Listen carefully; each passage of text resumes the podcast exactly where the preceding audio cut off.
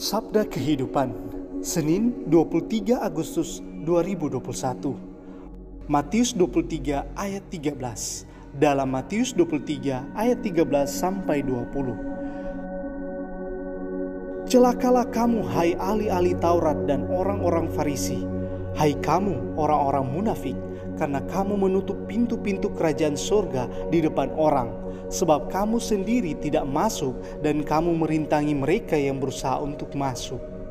Yesus mengecam para ahli Taurat dan orang Farisi karena mereka adalah orang terpelajar dan terkemuka di Israel.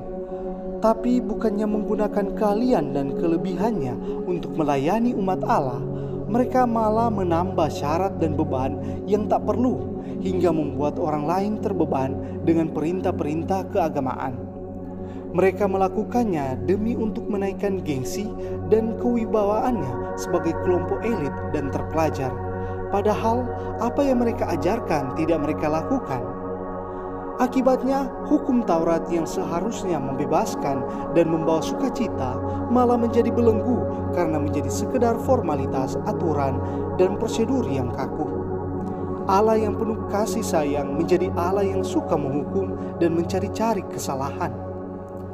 Allah yang lebih suka menutup pintu rahmat bukannya yang maha pengampun dan terbuka selalu untuk mengangkat anak-anaknya yang jatuh. Yesus datang untuk memurnikan kembali hukum Taurat dan mengabarkan betapa Allah tidak seperti yang diajarkan orang Farisi dan ahli Taurat. Allah adalah Bapa yang mencari anaknya yang hilang, gembala baik yang tak membiarkan domba-dombanya tersesat, Allah yang peduli dengan derita manusia dan ikut menderita agar kita dikuatkan. Kita tidak sendirian menanggung derita.